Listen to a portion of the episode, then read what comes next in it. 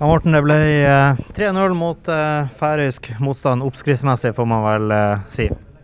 Ja, det er litt sånn i disse innledende rundene at du møter både ukjent og attpåtil litt eksotisk motstand, kan du kanskje si. Så vi var egentlig litt usikre på hva Klaksvik var for noe. Så litt inn i det med et åpent sinn, og så er jeg egentlig ganske sånn tilfreds med eh, hvor hvor eh, suverent vi får eh, dominere kampen.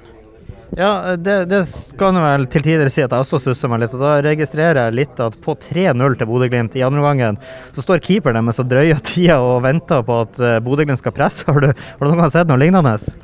Ja, det er noe eh, ting som kan skje når det er et dobbeltoppgjør, og de ønsker vel et eh, de, når de blir eh, dominert og uh, såpass som de blir her i dag, så er det vel egentlig å komme unna med, med uh, å minimalisere tapet mest mulig. Mm.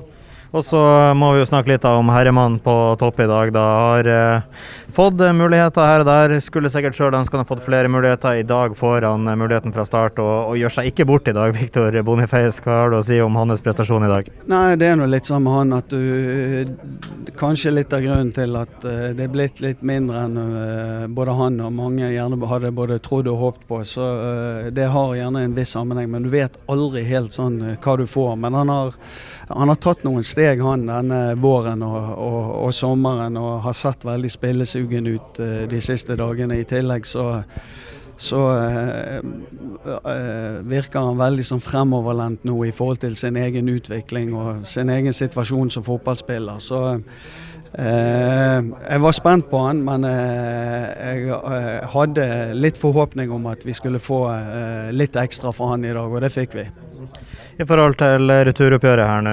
3-0, komfortabel ledelse.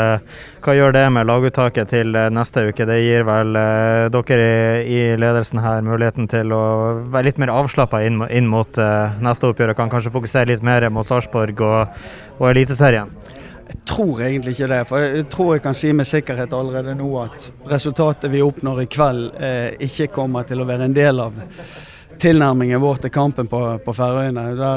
Eh, vi kommer til å ramme det inn som en helt ny kamp, og så må vi ha et, eh, et fokus på hvordan vi skal prestere best mulig i, i den kampen. Så disse her, eh, disse her kampene med Sarpsborg på lørdag og, og Klaksvik på tirsdag og HamKam borte neste lørdag. Det, det blir, eh, de blir rangert eh, på sett og vis eh, like viktig når i det øyeblikket de står fremst i køen til at det er de som skal avvikles.